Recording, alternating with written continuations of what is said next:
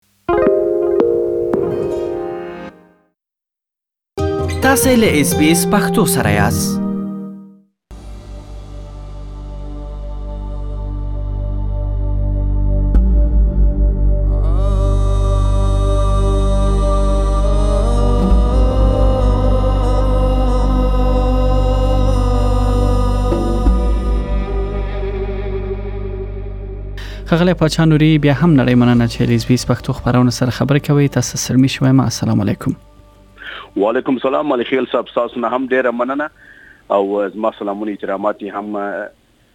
تاسو د رادیو همکارانو ته او هم ټول هغه افغانانو ته چې دا د پښتو خپرونه اوري زما سلامونه دي ورته ورسیږي علیکم سلام نړۍ مننه خغله نوري صاحب زموږ او تاسو د ټولنې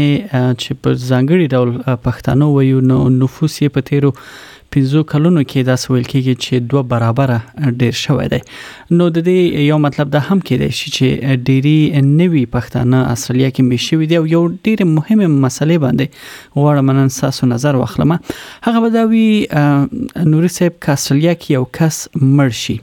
د جنازې او خخولو چارې څنګه په استرالیا کې پرمخ وړل کیږي بله دا خو ډیر ښه سوال تاسو کړی دی او ډیر ښه پوښتنه مو کړې ده شاید چې ټول د غزم راوړیدونکي او ټول افغانان په دې باندې خبر شي او پوښي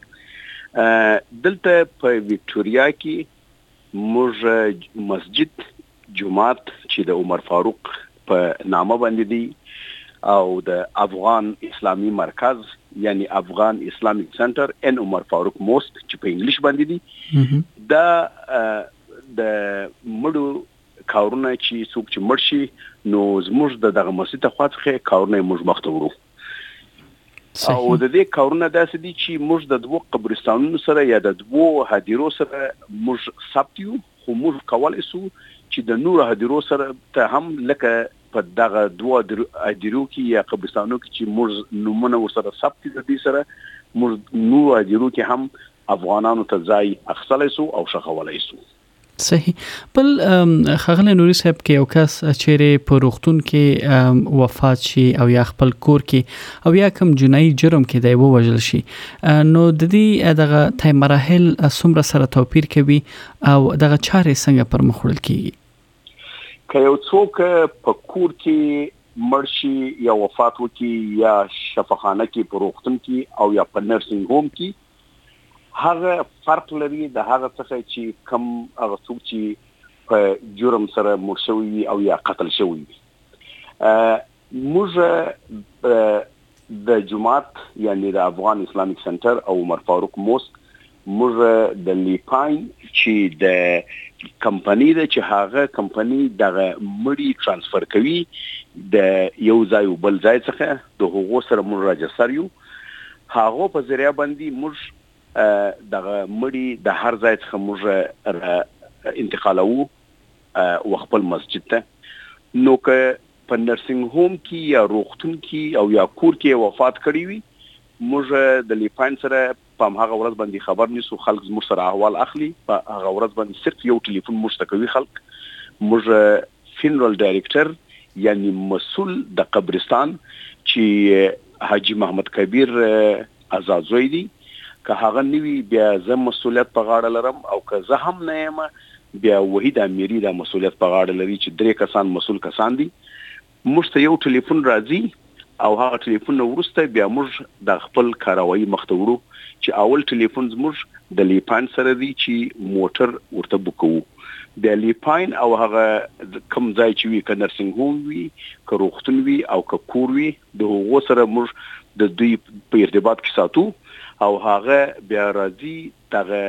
مړی او یا دا باډی د هغه ځای څخه اخلي راوړي یې زموږ جومات ته هلته په جماعت کې موږ خپل سردخانه لرو یعنی کول روم لرو هلته په هغه ځای کې راجستر او په هغه ځای کې د دې مړی وینځل کیږي مړی ته کفن ورکول کیږي دا که شزینه وی کنارینه وی که ماشوم وی که لوی وی که کوچنی وی هلته په هغه ځای کې هغه ټول کار یې هلته مخ ته وړل کیږي په سرخانه کې خغلی نوري صاحب حکومتي هغه تای مراحل پکې سوي او دا کوم داسې مسایل وی چې ځینې کورنۍ باید دا په نظر کې ولري ترڅو آیا حکومتي چاره هم په دې کې خېلې وي که چیری داسی اشت دولت اشتباه اشتباه ولری او یا داسی د کم قتل کیسه وی او یا داسی تصادفی سقطه شوی وی یا یو بل داسی تصادفی یو حالت راغلی وی نو بیا په هغه کی دولت په هغه کی بل او هغه کی داخلیږي چې هغه بیا و طبي عدلی ته وړل کیږي چی په هغه ځای کی چی دلته کورونر ورته وایی په هغه ځای کی بیا لیدل کیږی چیک کیږی ټیست کیږی بیا هغه چی اجازه ورته ورکی د ښخیدو بیا باډی موږ ته ریلیز کوی یعنی باډی موږ ته راپریږدی چی بیا موږ بیا د هغه موټر د لیپان ورته واستوو د هغه ځای څخه موټر واخلو او که چیری داسی تصادفی مریضی نه وی او څوک داسی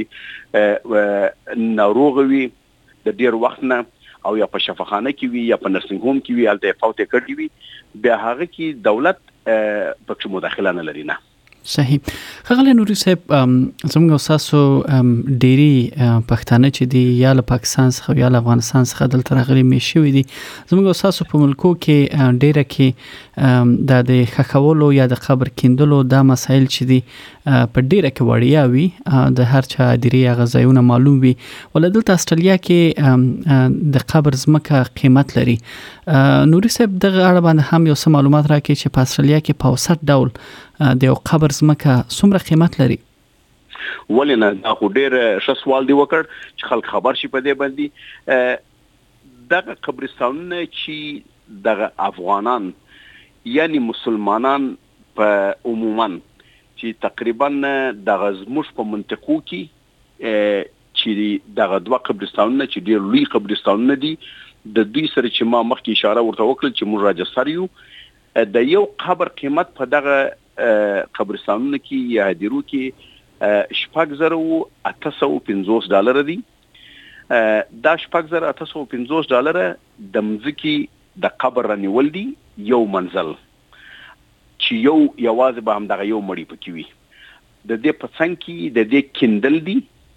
او د دې په څنګ کې دا شورینګ ورته وایي چې دا چار طرفه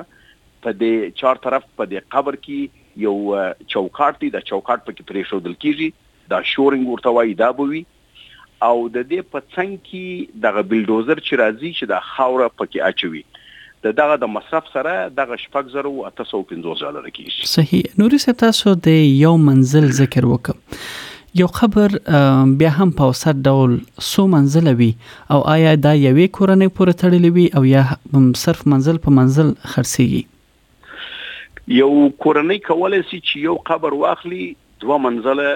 یعنی دوه مړي په کې شخ کې یو په لاندې منزل کې یو په سرویره منزل کې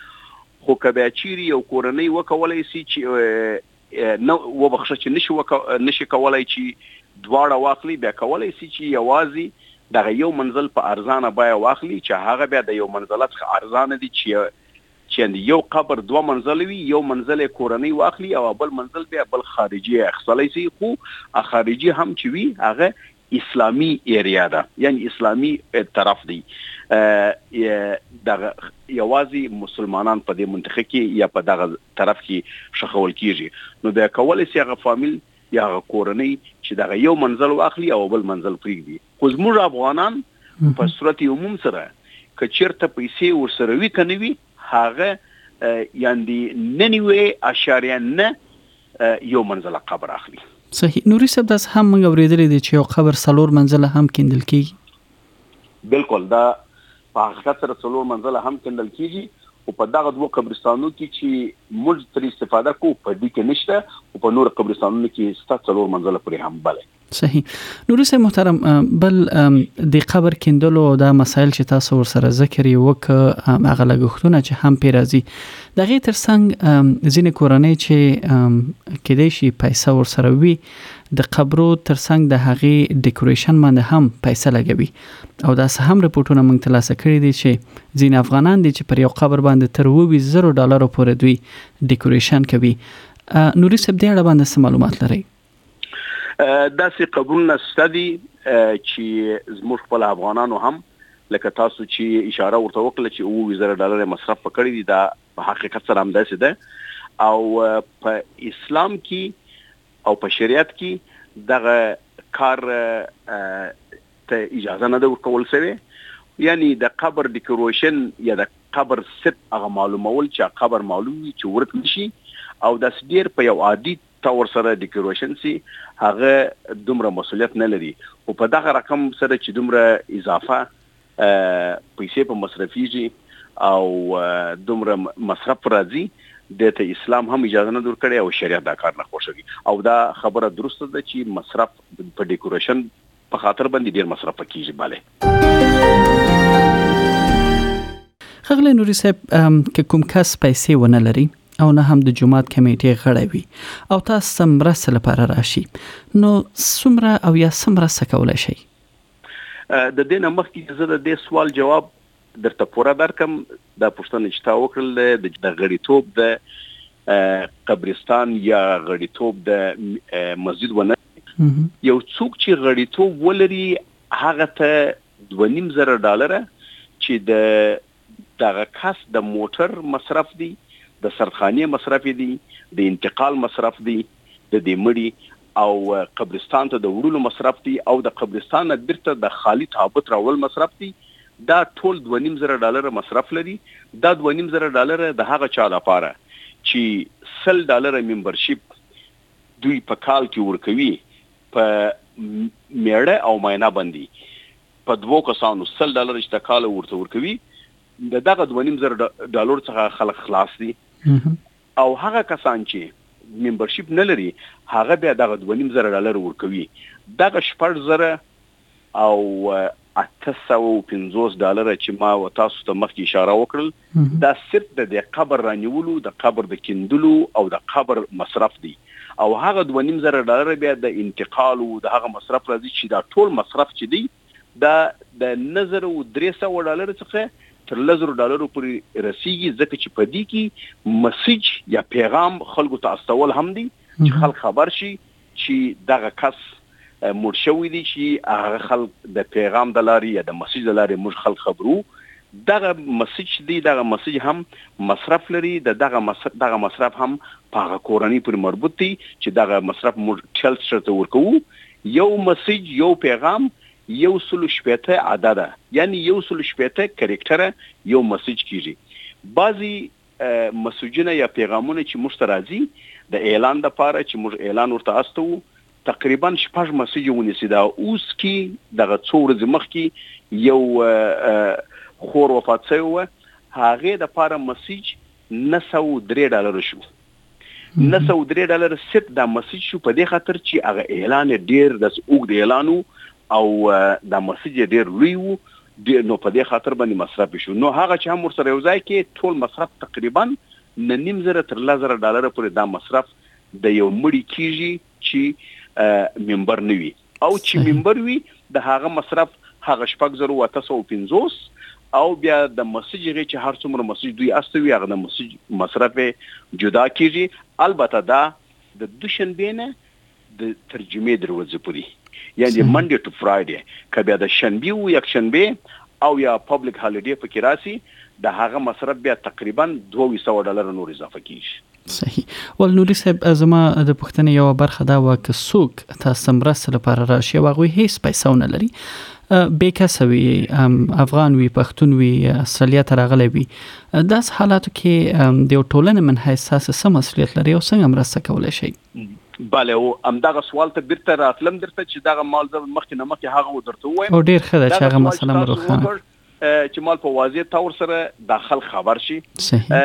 دلته اصلا هغه کسان چې دغه سي پیسې ورسره نوي او تاسو به هم خبر شوي یاست چې موږ دلته د افغانان ورته چنده راټولو چنده داسې چنده راټولوو چی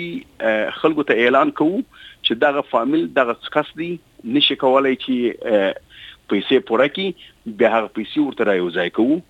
او بعضی کسان چی پیسې نه لري او دلته فامیلونه یې وي هغه کورنیان یې نه غواړي چی د چندې خبره وسی هغه سره بیا خپل د خپل کورنۍ کې د خپل فامیلونه یا خپل کورنۍ یو ځای کیږي پیسې ورته ورکوي یا خپل دوستان یا خپل انډیوالان دا پیسې سره یو ځای کوي ورته ورکوي خو موږ تقریبا تر اوسه پورې اضافه تر 25 یا 13 کسانو اضافه داسې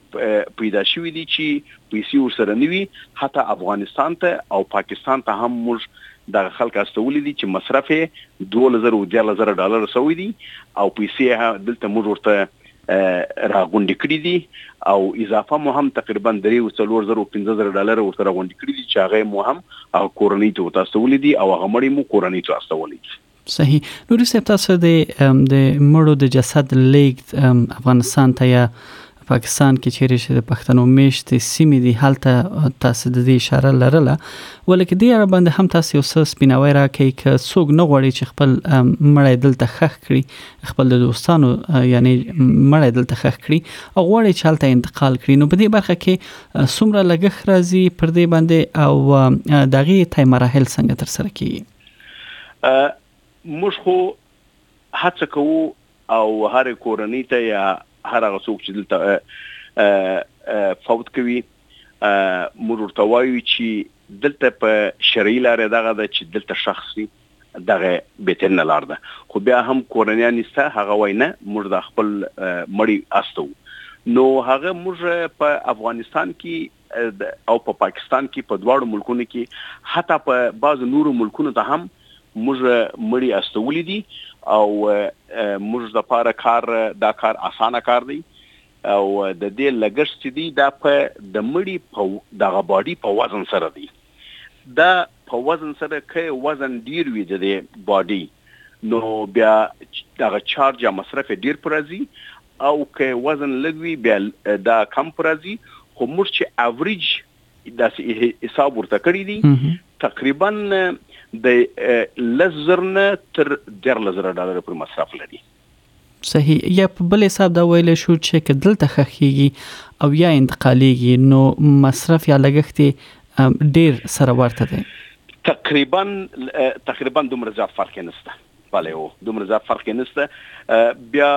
یو بله خبره ده چې دلته دغه د استرالیا او نور دنیا سره دغه های سیزن او لو سیزن یعنی هغه کښته وخت د تیارو چې خل چې څومره مصرف لري ټکټ او هغه پورته وخت د تیارو چې څومره مصرف لري هغه هم بیا په نظر کې دلته نیول کیږي که څوک په های سیزن کې یا په هغه وخت کې چې ټکټونه پورته وي فوت وکړي د هغه مصرف البته ډیریږي نو بیا هم هغه د پیسو معلومات چې ما تاسو ته درکړ دغه معلومات چې دی دا اسی سل فیصد زه درته ویلی نسم چې څومره فرق راځي خو دومره زه تاته ویلای سم چې تر زر ډالرو څخه اضافه فرق نه راوړي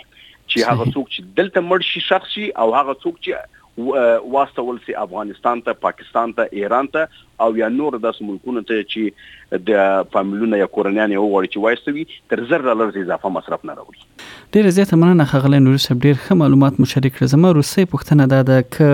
یو کس دلته نوی راغلی وي نو د مړینې او هم ورسره تړلو مسایلو لپاره تاسو ورته څه مشوره ورکول غواړئ چې څه وکړي او کوم مسایل لا د مخه دوی په نظر کې ولري که یو څوک دلته دا مرګ خو داسې دی الخیل صاحب چې نه ځوان پرېږدي نه سپنګری پرېږدي نه ښځه پرېږدي نه نر پرېږدي نو دلته چې آمادګي داسې ولري هر څوک یو 15 روپۍ 10 روپۍ 20 روپۍ 50 روپۍ د په هر میاش کې د خپل ځان د پاره سپیر کښیر دي چې دا مرګ او مردن دا خوشته دا یو او بل خبره دا د هغه کسان چې نوې دلته راغلي دي او هغه د داسې مشکل سره مخامخ کیږي او داسې یو هغو ته دا مشکل ډېر غټ معلومېږي، دوی کولای شي چې زموږ سره ډاریکټ تماس ونیسي چې هغه د افغان اسلامیک سنټر، عمر فاروق موسک سره تماس ونیسي چې موږ خپله درې کسان مسؤل د دې کار لپاره لرو، بیا موږ ورته په هغه وخت کې مشوره ورته ورکوو چې دوی څه وکړي، خو زما مشوره ورته دغه ده هر چا ته چې په هر وخت کې که نوي وي که زاړه وي چې د ځان لپاره هر وخت یو لس روپۍ او پنځوس روپۍ او سل روپۍ د ځان لپاره دوی سپیر ولري چې دا مرګ و مردن معلوم نه دی چې په هغه وخت کې که چیرې مرګ راځي هغه ورته آمادګي به لري. صحیح. نړۍ مننه ښاغلی پاچا نوري چې ډیر یو مهمې مسالې په اړه باندې مو ډیر ښه معلومات شریک کړه په دې هیله چې زموږ د اوریدونکو د پام وړ هم ګرځیدلي وي تاسو ښې چارې غواړم.